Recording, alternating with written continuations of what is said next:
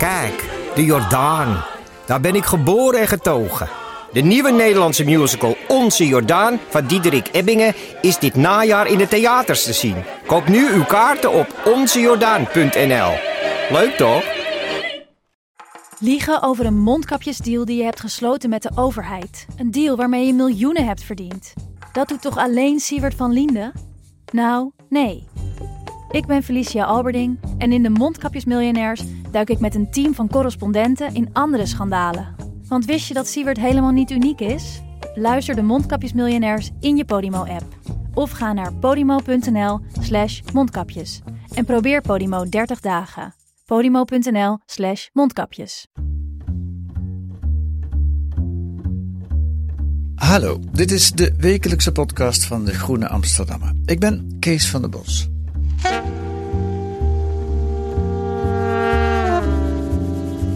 Vandaag praten we over een van de grootste problemen van deze tijd. Het grote aantal mensen dat naar Europa of de Verenigde Staten vlucht. Naar het westen dus. In Europa kampen we al een aantal jaren met dat probleem en het is tamelijk beschamend als je ziet hoe de Europese landen niet in staat zijn daar een fatsoenlijke politiek in te voeren. Dat leidt tot erbarmelijke omstandigheden in de vluchtelingenkampen in Europa, in Griekenland bijvoorbeeld. In de Verenigde Staten gaat het niet veel anders. Ook daar grote aantallen vluchtelingen. Uit Honduras, El Salvador, Guatemala via Mexico. Vandaag meldt de Volkskrant dat daar steeds meer Afrikanen tussen zitten. Wellicht een nieuwe vluchtroute. En gisteren stond in diezelfde krant dat Trump 240.000 illegalen wil oppakken en uitzetten. En dan is er natuurlijk de wall. De muur tussen Mexico en de Verenigde Staten, die alle problemen moet gaan oplossen. Casper Thomas schrijft daarover deze week in De Groene. Dag Casper. Goedemiddag. Even in Nederland, want je woont in Washington. Dat klopt. Correspondent voor De Groene daar, of zit je daar nog voor meer media? Uh, voornamelijk voor De Groene, maar ik schrijf daar ook uh, voor het Financieel Dagblad. Oké. Okay. Hoe lang woon je al in Washington? Nu bijna twee jaar. En hoe ben je daar terechtgekomen? Uh, een combinatie van persoonlijke en, en, en werkomstandigheden. En, maar vooral gedreven en, en eigenlijk getrokken door het feit dat Amerika op dit moment natuurlijk een waanzinnig interessante plek is om verslag te mogen doen. Ik bedoel, Amerika is zichzelf onder Trump, met Trump, opnieuw aan het uitvinden. Uh, wat is het land? Hoe verhouden zich tot elkaar? En als je daar bovenop mag zitten, dat is, dat is fantastisch. Ja, en die persoonlijke omstandigheden, dan denk ik de liefde. De liefde, altijd de liefde. het vluchtelingenprobleem in de Verenigde Staten. Uh, hoe groot is dat en sinds wanneer bestaat het? Ja, dat, dat daar kun je al geen eenduidig antwoord op geven. Dat is, uh, als je Trump moet geloven, is er, is er een vluchtelingencrisis gaande van ongekende proporties of een migratiecrisis. Ja. Maar ja. als je kijkt naar de cijfers, valt het eigenlijk ten opzichte van bijvoorbeeld het begin van de jaren 2000 uh, eigenlijk erg mee met het aantal migranten dat via die zuidgrens naar Amerika trekt. Je bedoelt, toen waren er nog meer? Ja, de, het aantal illegale oversteken, uh, de, grens over, was, was begin jaren 2000 op een hoogtepunt. Het is nu bijna een derde lager. Uh, dus het idee van crisis, ja, misschien, het wordt wel zo ervaren. Het wordt in ieder geval wel zo politiek gepresenteerd. Ja. Um, en een crisis is op het moment dat mensen zich in crisis wanen of mensen ja. voelen zich bedreigd, ja, dan is er een crisis. Dus in die zin klopt die term wel. En toen in het begin van de jaren 2000, toen het er meer waren, ik herinner me niet dat er toen een crisis was. Nou ja, daar is ook wel weer een, een politiek uitgekomen van grensverzegeling. Uh, uh, onder de regering Bush, daar zijn ze begonnen met de Secure Fence Act, heette dat. En dat was eigenlijk de eerste muurwet, zou je kunnen zeggen, waarin er veel werk werd gemaakt van het aanleggen van hekken, grensafscheidingen, prikkeldraad, om die grens wat meer te verzegelen. Ja, ja. Laten we eens kijken naar de aantallen. Nu zo'n 100.000 vluchtelingen per maand uh, proberen of willen of via Mexico Amerika, de Verenigde Staten binnenkomen. Dat is uh, meer dan een miljoen per jaar. Dat is niet niks. Nee, dat, dat, dat is heel veel. En wat je daar dus voor nodig hebt, is een systeem dat daar opvang aan kan bieden. Die dat die mensen kan, ja, dat, dat klinkt wat oneerbiedig, uh, kan verwerken. Of in ieder geval kan horen om te zeggen, hé, hey, waarom ben je hier? Uh, en volgens een gegronde beslissing te maken om tegen die mensen te kunnen zeggen, hey, je, je kunt hier blijven of nee, je moet weer weg. Maar daar ontbreekt het aan. Ja, daar komen we zeker nog over te spreken. Maar ik las ook in jouw artikel dat over 25 jaar de witte bevolking van de Verenigde Staten een minderheid vormt. Dat is hier in Nederland een schrikbeeld voor de populisten. En in Amerika ook, denk ik. Uh, dit wordt niet door Trump of, of door andere uh, politici in Amerika per se zo opgespeeld. Maar Amerika is in een proces van een soort langzame demografische transitie. migratie draagt daaraan bij. Maar het frappante is, dat heeft de Washington Post ooit uitgezocht. Het maakt eigenlijk niet zo heel veel uit wat voor migratiebeleid je voert. Die, de, het, het keerpunt is al bereikt. Je, kunt dat, je kunt misschien dat omslagpunt van een, uh, een dominant witte bevolking naar een, uh, een dominant gemengde bevolking. Kun je misschien met een jaar of vijf uitstellen. Als je de grens nu helemaal dicht zou gooien. Maar dat, daar ik zeg, dat maakt dus eigenlijk helemaal niet zo heel veel meer uit. Dat is gewoon aan het gebeuren. Ja, on, dat, daar is de term onherroepelijk nou voor uitgevonden. Tenzij je, nou ja, goed, bedoel, uh, God verhoede, met, met, met plannen komt om inderdaad mensen te gaan deporteren. Dat is, de enige, de, dat is het enige wat daar iets aan zou kunnen veranderen. Maar dat is zover gezocht. Ja, nou ja, dat is wat Trump nu net heeft aangekondigd. Maar goed, dan gaat het om illegale. Ja, en dat is een van de, de, de, de dingen waar dus Trump. Hij, kijk, hij heeft zichzelf nu ook weer opnieuw verkiesbaar gesteld, officieel, hè, voor ja. 2020. Dus hij ja. denkt volgens mij nou, ik ga mezelf weer als een, als een anti-migratie-president neerzetten. Als iemand die tough is on migration en, en, en, en op illegaliteit. Dus dan klinkt het goed als ik ga roepen dat ik uh, uh, 240.000 mensen ga oppakken en de grens overzetten. Ja. Dat plan zinkt al een tijdje rond, rondom het Witte Huis. Uh, Trumps minister van Binnenlandse Veiligheid is hier ook over opgestapt, eerder Ja. al. Over, over, omdat ze had een heleboel redenen, maar dit plan was bij wijze van spreken de druppel. Ja. Ehm, en dat werd gesproken in, in, in Trumps keer, dat noemen ze een blitz. Weet je wel, we pakken, als het, het woord razzia zou je bijna kunnen gaan gebruiken. Je pakt in één keer heel veel mensen op en, en, en, en je gaat ze deporteren. Gaat dat nou ook echt gebeuren de komende maanden? Ik denk het niet. Um, ik denk dat de. Ik denk dat juridisch gezien in, uh, niet door de beugel gaat in de VS. Ik weet ook niet of überhaupt de capaciteit bestaat bij de grensbewakingsdienst om, om dit te doen. Uh, kijk, je, je kunt je in Amerika als illegaal vrij veilig bewegen, omdat je in principe het recht hebt om jezelf. Uh, om, je, er wordt ook niet naar je paspoort gevraagd, bijvoorbeeld, als je wordt aangehouden. Dus um, ik denk dat het een, een, een zoveelste voorbeeld is van hele nare grootspraak. Maar die wel degelijk effect heeft natuurlijk. Het zet wel de toon ja. van Amerika is dus niet een. Als Amerika een, migra een land van migranten is. En, en, en plotseling gaan we mensen uh, inderdaad uh, oppakken en, en, en massaal uitzetten. Ook al zijn ze illegaal. Ja. Er is Amerika is op zoek naar een oplossing van wat moeten we met illegaliteit. Ja. Um, en dit is, ja, dit is de oplossing waar Trump mee komt. Voor die harde aanpak moet je vluchtelingen eerst veranderen in gelukzoekers en boeven. En dat lukt Trump vrij aardig. Ik heb een paar van zijn uitspraken van de afgelopen jaren op een rij gezet. The biggest loophole drawing illegal aliens to our borders is the use of fraudulent or meritless asylum claims to gain entry into our great country. This endemic abuse of the asylum system makes a mockery of our immigration system. You don't have borders, you don't have a country. I mean, the Democrats want open borders and they want these people coming in. Many of those people are criminals, okay? They want to throw rocks at our military. Our military fights back. We're going to consider it. I told them, consider it a rifle. When they throw rocks like they did at the Mexico military and police, I say, consider it a rifle. Dat is wat je noemt stevige taal. Hè? Frauduleuze claims, misbruik van het immigratiesysteem zijn vaak criminelen. En als ze met stenen gooien, mag je erop schieten. Ja, en, en wat je ziet is dat de grens en dat is je altijd, maar dat, op deze manier wordt hij dat opnieuw weer en ook nog steeds erger, een plek wordt van geweld. En waar een confrontatie plaatsvindt. En dat Ja. is een, een, daar kun je als politicus kun je daar je, je voordeel mee proberen te doen. Door te zeggen dat jij een strijder bent in dat grensconflict. Maar daarvoor moet je het wel eerst een beetje opkloppen op de manier waarop Trump dat doet. En er is nog wel iets interessants om even aan te tekenen hier, is dat hij zegt, ja, de, de mensen maken misbruik van ons asielsysteem. Ja. eh, door zich dan te melden en, en dan eh, een nepverhaaltje op te hangen eigenlijk. Ehm, Dat is iets wat in Nederland ook vaak gezegd wordt. ja, en als je dan kijkt naar de Verenigde Staten, is het type vluchteling of het type migrant dat zich meldt aan die zuidgrens is heel erg veranderd. Het is geografisch naar het zuiden opgeschoven. Je noemde de landen al aan het begin. eh, Guatemala, Honduras, El Salvador. Veel minder Mexicanen, zoals dat in het begin van de jaren 2000 was bijvoorbeeld. Ehm, en mensen komen daar niet... Kijk, als je echt een illegaal bent, dan probeer je de, de grens over te sneaken en vervolgens uit zicht te blijven. Maar wat de meeste mensen, die melden zich dus nu aan die zuidgrens en willen zo snel mogelijk in contact komen met Amerikaanse autoriteiten. Die zeggen, die melden zich bij de grenswacht, ze gaan naar de, eh, de reguliere grensovergangen.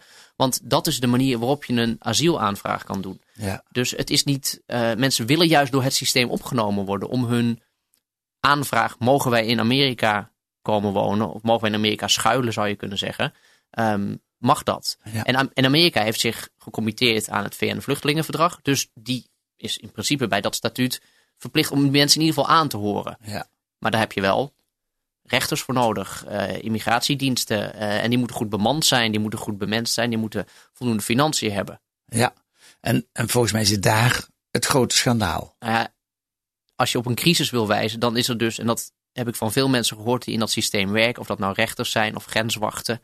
Uh, of de lokale sheriff in een, in een stadje aan de grens met Mexico. Die zeggen, ja, wat, wat, wat hier ontbreekt is gewoon de capaciteit om, om die mensen op te vangen, te horen en te beoordelen. Bedoel, Trump heeft de kraan dichtgedraaid als het gaat om het aantal, uh, het aannemen van nieuwe rechters uh, in, het, in het immigratiesysteem.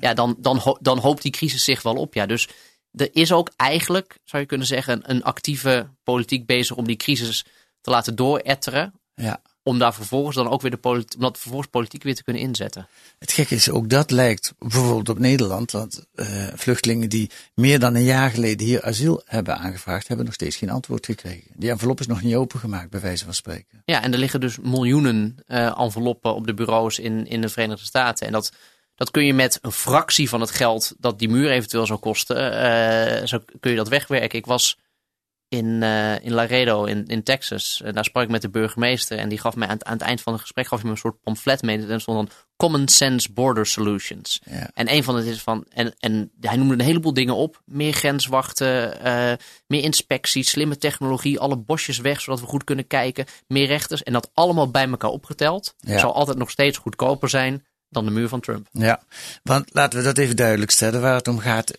wat jij straks ook al zei, is een goed systeem om deze aantallen aanvragen te verwerken. Het gaat er niet om dat de oplossing is grenzen open of grenzen dicht. Zo simpel is het helemaal niet. Nee, het wordt voorgesteld een soort binaire keuze. En dat, Ja. je, dat, dat, dat, dat er letterlijk een soort knop is. En dan Ja. kun je die omdraaien en de grens dicht. En daarmee is het probleem opgelost. Ja. Ehm, daarmee is heel misschien het probleem uit zicht.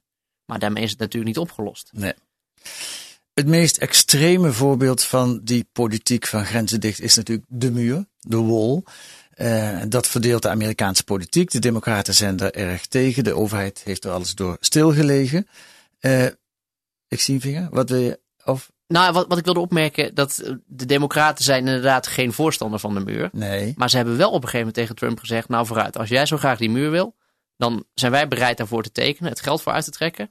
Maar in ruil daarvoor willen we dat 1,8 jonge illegalen die hier in Amerika zijn opgegroeid, een leven zijn gestart, dat je tegen hen zegt, oké, dan mogen jullie hier ook blijven. Ja, Dus Trump had zijn muur kunnen krijgen ja, als hij die, die deal had aangenomen. ja. Dat heeft hij toen niet gedaan. Ja, is dat niet een rare deal? Hadden ze niet beter kunnen zeggen als je zorgt dat er ook een fatsoenlijk immigratiesysteem is? Ja, maar dat is dus zo onmetelijk complex. Dat heeft, dat, dat, dat, dat heeft zoveel facetten. Dat waarschijnlijk dit, eh, de Democraten dachten misschien, nou, dit is het beste wat we kunnen krijgen. Ehm, of een begin van, in ieder geval van een compromis. Ja, En op basis van dat compromis, muur ten opzichte van amnestie voor, voor jonge illegalen, dat zou een soort basis voor samenwerking hebben kunnen opleveren. Maar Trump stormde de Kamer uit en zei, ja, nee, sorry, dat eh, daar ga, ga ik ga niet aan beginnen. je zei net, ik heb mensen in Toledo geloof ik dat je zei. Laredo. Laredo, sorry, gesproken. Nou, Trump praat ook wel eens met mensen van de Border Patrol en die zeggen dan hele andere dingen tegen hem. I said to him, So I think we need the wall. How important is the wall? To the Border Patrol people. They said, Mr. Trump, it's absolutely vital. And in the, the other words, it's a vital tool, it's an important tool, it's maybe the most important tool that they can think of. We're going to build the wall. We have no choice. We have no choice. Build that wall. Build that wall. Build that wall. Build that wall. Build that wall. Trump verandert moeiteloos in zijn eigen aanhanger hier tijdens de speech. Het was een speech in 2016 in California, een van de zuidelijke staten. Ehm Casper, ik denk wel in al zijn stomzinnigheid is het eigenlijk marketingtechnisch gezien een soort geniaal plan van Trump. Die muur is een symbool wat je aanspreekt als je weinig van de problematiek snapt. Dan denk je een muur, dat houdt uh, dingen tegen. Dat doen we met uh, Nederland, met het water, met de ja. dijken. Bovendien weet je dat je er ontzettend veel reuring over krijgt. En die democraten die er dan uh, dwars gaan liggen, kun je zeggen, ja, zij, willen, zij willen geen oplossing. Ja, nee, de, de, de politieke strategie is, is, is, is heel gewiekst en heel slim en, ja. en, en werkt ook. Ja. Want hij, is op basis, hij is verkozen deels op basis van de belofte om die muur te bouwen. Ja. Alleen, de, en hij gaat dus nu ook weer opnieuw de campagne in met, het was eerst build the wall, nu wordt het waarschijnlijk finish the wall. Ja, dan heb je nog een ja. aardig end te gaan. Ja. Uh, er staat, de, de, de, grens bedraagt meer dan 3000 kilometer. Er is al flink wat grensafscheiding. Uh, Trump is nu, uh, nou, zit, zit er al een aantal jaar. Er is 49 mijl aan nieuwe grensafscheiding gebouwd. Dus als, als ik een Trump-aanhanger was, of, of ik zou, dan zou ik toch vragen: goh, hoeveel muur heeft u eigenlijk gebouwd in, in, in al die jaren dat u president was? Ja. Uh, ja. En dat is een, dan, dan, dan, ja, dan, dan is dat toch niet zoveel. En dat komt dus deels omdat die politiek dus zo op slot zit. Maar ook omdat eigenlijk Trump is geïnteresseerd in het idee, het idee van de muur. Ja. En de politiek bedrijven met, dat die, met het idee dat die gebouwd moet worden. Ik denk niet dat hij echt heel erg geïnteresseerd is in het, in het daadwerkelijk bouwen ervan. Nee, dat bedoel ik. Het is ook een, ja, in al zijn wrangheid is het een soort marketing stunt. Het is een marketing stunt, maar het is tegelijkertijd een, een idee over Amerika uitdragen. Ja. Amerika, het land van het verleggen van de grenzen, van go west, uh, van we, we, we, trekken de wereld in, we, we, zijn, we, zijn inderdaad, we hebben een frontier spirit, zoals dat ja. heet in Amerika. Hè? Uh, we verleggen grenzen. Ja. Is Amerika nu ineens een land geworden van grenzen, dat is iets waar wat die dicht moeten. Ja. Open grenzen, uh, dat is een probleem. En dat is politiek psychologisch voor een land natuurlijk een enorme omslag. Dat je van grensverleggers naar grensverzegelaars gaat. Ja. Dat is, wat ik zeg, dat is een, een historisch keerpunt. Ja. Uh, en daar zitten we op dit moment middenin. Dat beschrijf je ook mooi in je artikel.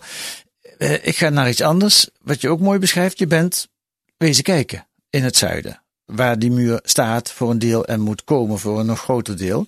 Uh, vertel eens, wat heb je gedaan? Nou ja, ik, het ging dus in Washington de hele tijd uh, over de muur. En uh, op een gegeven moment ging de overheid op slot, zoals dat heet. Er was geen geld meer. De overheid moet dan opnieuw lenen. Dat was dat, het conflict met die democraten. En dat was puur over de muur. Trump ja. zei, als ik geen geld krijg voor mijn muur, teken ik geen nieuwe budgetten. Overheid geen geld. Shut down. Ja. En in die tijd dacht ik, nu is de, de grenscrisis is op zijn, op zijn hoogste punt als het ware. Want het hele land wordt hier nu in gijzeling overgenomen. Maar dacht ik, ja, ik zit hier in Washington. Maar die, die muur die heeft een, een plek, die moet ergens komen. Namelijk aan die zuidgrens. Dus dan is het journalistiek natuurlijk heel logisch. Dan neem je het, het eerst het vliegtuig en dan daarna huur je een auto. En dan ga je rijden. En op een gegeven moment dacht ik, nou dan ga ik die hele, die hele zuidgrens maar af. Dan begin ik in het meest oostelijke puntje. In Texas? Ja, McAllen in Texas. Je kon nog een heel klein stukje oostelijker, maar McAllen is eigenlijk de, de, de, een goede plek om te beginnen. En ik ben in een, in een, in een, een dikke anderhalve week kringelend langs die grens naar San Diego gereden in, in Californië, waar je dan uh, de Stille Oceaan inkijkt. Ja. En, en dat is langs, langs die grens moet die muur dan komen. En je ziet hier en daar ook wel wat muur. Um, en je ziet ook hekken. Ja. Of je ziet roadblocks. Of je ziet een grote rivier, de Rio Grande, die op zichzelf ook al een soort natuurlijke barrière vormt. Dus de, Ja. de, de, de grens is sowieso niet open. Dat is een, dat is een, dat is een mythe. Goed, dan heb je dus heel veel gehoord en gelezen over die muur. Dan pak je het vliegtuig en daarna de auto en dan ga je daar rijden. Wat is je het meest opgevallen tijdens die reis? Wat heeft je het meest getroffen? Hoe moeilijk het was om mensen te vinden die Trump blijkbaar veel spreekt. Die zeggen, die muur hebben we absoluut nodig. Prioriteit nummer één. Ik heb echt met een, met een lampje moeten zoeken. Uh, en Hoezo zitten daar geen republikeinen die allemaal fan van Trump zijn? Jawel, er zitten. De, de, electoraal gezien is, die, is dat grensland een interessant gebied. Omdat uh, Texas is een, is een dominant republikeinse staat bijvoorbeeld. Ja. Maar net als je kijkt naar die grensdistricten. Daar wordt eigenlijk overwegend. In een, met de meeste daarvan wordt overwegend democratisch gestemd. En in die paar grensdistricten waar uh, de Republikeinen de meerderheid hebben, dat zijn toevallig ook, nou niet toevallig, dat zijn dus de Republikeinen die in Washington eigenlijk ook het minst warm lopen voor die muur. Mm -hmm. Dus de mensen uit het grensland, als je het even politiek zou willen samenvatten, ja. willen geen muur. Terwijl ze er eigenlijk het meest direct mee te maken hebben. Dat is interessant. Ja, dat is zeker interessant. En vertel eens over je meest bijzondere ontmoeting uh, die je daar gehad hebt. Nee, het waren een heleboel, maar e eentje sprong er wel een beetje voor mij uit. En dat was uh, in, een, in, een, in een klein plaatsje waar ik de, de, de lokale sheriff sprak. een klassieke Texaanse sheriff. met een cowboyhoed en Laarzen. Laars de hele. En hij vertelde me ook dat hij behalve dat, behalve dat hij sheriff was, was hij ook eigenaar van een, een wapenhandel. en toen dacht ik, nu ga ik het horen. Nu gaat iemand tegen mij vertellen zo zie je, maar je moet nooit op uiterlijk afgaan of op, op, op, op, op beeldsymboliek, want je, je, je gaat altijd nat. Uh, nu, ik, denk, ik dacht, nou, nu ga ik misschien wel horen. En deze man is ook nog een keer orde bewaken. Dus hij heeft te maken met, met, met illegaliteit. Daar vertelde hij ook over dat hij last had. Onlangs had hij nog een, een, een groep mensen opgepakt. Die een, inderdaad, en dat gebeurt. Ik bedoel, het is geen mythe. Uh, illegaal en die een misdaad hadden begaan in zijn district. Mhm. Dus ik ga dacht, nou, deze man, als, als er iemand voor die muur moet zijn, dan zal het toch wel deze man zijn. En zo, ja, die muur, ik kan, er zijn vijf, zes dingen die ik kan bedenken die ik graag zou willen in mijn district om de, om de grensbewaking beter te hebben. Meer grenswachten, betere technologie, uh, noem het maar op. Maar die muur, dat is echt, daar heb ik echt helemaal niets aan. En toen dacht ik, nou, als, als, jij, dat, als jij dat zegt, moet er wel bij zeggen, deze man, uh, de sheriff wordt ook verkozen, dat is een, een verkozen functie, zegt ik, ik heb mij verkiesbaar gesteld als democraat. Mm -hmm. Maar hij zei, ik, ben, ik heb ook republikeins gestemd. Ik heb ook een, een, een affiniteit met, met, met de republikeinse partij. Dus het was geen partijtijger. Mm en die zei, ja, het probleem is, in Washington begrijpen mensen gewoon niet hoe wij hier aan de grens daadwerkelijk leven. Of ze nou republikeins of democratisch zijn. Er is een enorme disconnect tussen de politiek in Washington en het leven in het grensland. Kun je zeggen dat de mensen die voor de muur zijn want er zijn er heel veel in Amerika. Tenminste, Trump die gebruikt het voor zijn herverkiezingen. Ja. Eh, dat, dat, dat, dat, dat het zo verdeeld is dat de mensen die, die het meest voor de muur zijn, eigenlijk het minst van de problematiek echt weten, van de vluchtelingenproblematiek. Ja, ik denk dat dat een, een goede werkhypothese is. Ik kan een, daarvoor zou je dus eigenlijk niet alleen langs de muur moeten reizen, maar dus ook vanaf de muur omhoog richting het noorden natuurlijk. En kijken of, of de, de steun voor de muur toeneemt naarmate eh, je verder van de grens komt. Ik, mhm. ik, ik heb wel eens het idee dat het zo is. Ik zou het, om dat 100% te kunnen claimen, meer moeten onderzoeken. Het zou een soort interessant electoraal geografische eh, vraag zijn. Die misschien ook wel gedaan is hoor. Dat, dat kan zijn dat ik dat over het hoofd zie. Maar inderdaad, bent u voor de muur en dat je een soort kaartje tekent en het percentage ja, misschien wordt dat wel steeds hoger naarmate je naar het noorden gaat. De muur staat niet alleen tegen buitenlanders, maar staat vooral tegen angsten. Ja, of tegen, tegen de wereld. Het idee dat je je, je, je afzond. Kijk, dat is iets wat sowieso wel een beetje in de politiek van Trump zit. Hij wil, hij wil ook handelsverdragen opzeggen en dan wel weer nieuwe onderhandelen. Maar dat, dat, dat gaat zeer moeizaam. Hij wil zich terugtrekken uit multilaterale verbanden. Dus het idee dat je daarmee sluit je je dus eigenlijk af van de wereld, zou je kunnen zeggen. Ja. En nou ja, een, een muur is natuurlijk daar het, ja, wat ik zeg, dat is daar het ultieme symbool van. Oké, jij gaat straks weer terug naar Washington. Je gaat daar verslag van doen. Um, een voorspelling, wordt Trump herkozen? Het gaat, hij gaat het erg lastig krijgen. Het is alles behalve een gelopen race. Mm um, veel gaat afhangen natuurlijk van zijn democratische tegenkandidaat, die nog niet bepaald is wie dat gaat worden. Maar het wordt een. Uh, it's going to be wild, zei Trump over de rally die, uh, waarbij hij zijn kandidatuur aankondigde. Uh, it's going to be wild. Dat gaat ook echt voor de verkiezingsstrijd gelden. Maar het geeft ook aan, net als bij de Brexit, dat je een soort 50-50 situatie hebt van populisme tegen ja, alles wat niet populistisch is. Ja, en of maar misschien wordt de democratische kandidaat ook, een, ook wel een populist, maar dan van een, van een ander politiek signatuur. Dat, dat, dat, dat kan natuurlijk. Um, maar hoe dan ook, wordt het echt een hele hele close race gaat het worden. Oké, okay, Casper Thomas, dankjewel voor dit gesprek. Dankjewel Kees.